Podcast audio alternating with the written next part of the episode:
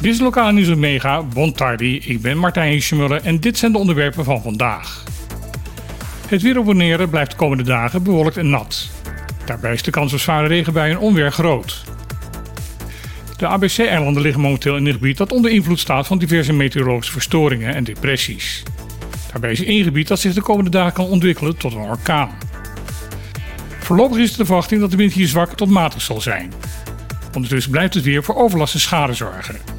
Zo zijn de afgelopen dagen op Curaçao minstens 7 boten gezonken omdat ze volliepen met regenwater. De meteoroloog dat dit weertype minstens tot vrijdag zal gaan aanhouden. Ging het Centraal Bureau voor Statistiek in de vorige voorspellingen nog vanuit dat na 2030 de bevolking niet erg meer zal gaan groeien.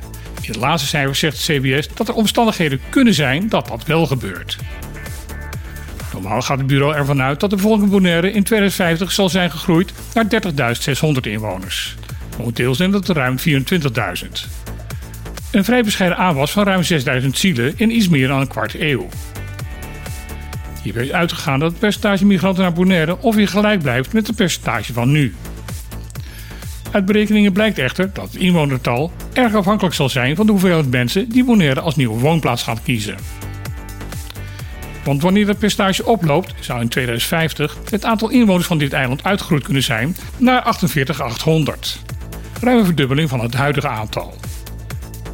Echter, als het percentage van het aantal migranten de komende jaren daalt, zou het aantal inwoners van Bonaire in 2050 lager kunnen uitkomen dan het huidige aantal.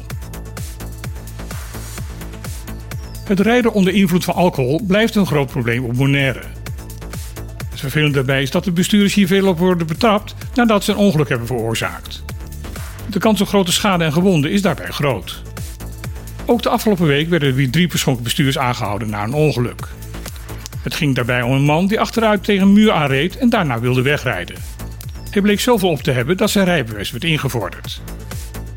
Verder was er een 71-jarige man die achterop tegen een andere wagen vloog. Hij vluchtte daarna te voet weg.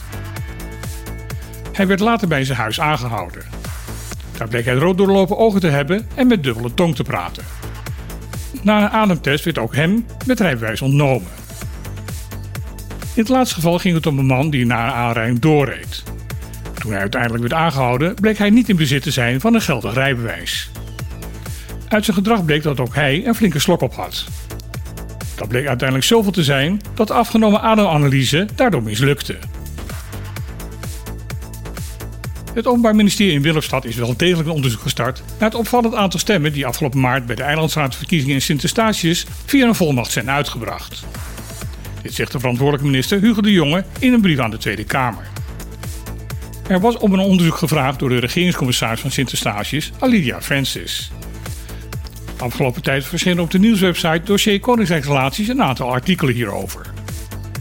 Daarin werd beweerd dat de OM binnen het Caribisch gebied geweigerd had om dit onderzoek uit te voeren. De jongen spreekt dit nu nadrukkelijk tegen. Het OM meldt via de minister dat dit onderzoek wel is gestart en dat zij zich niet herkennen in het dossier Koninkrijksrelaties geschetste beeld.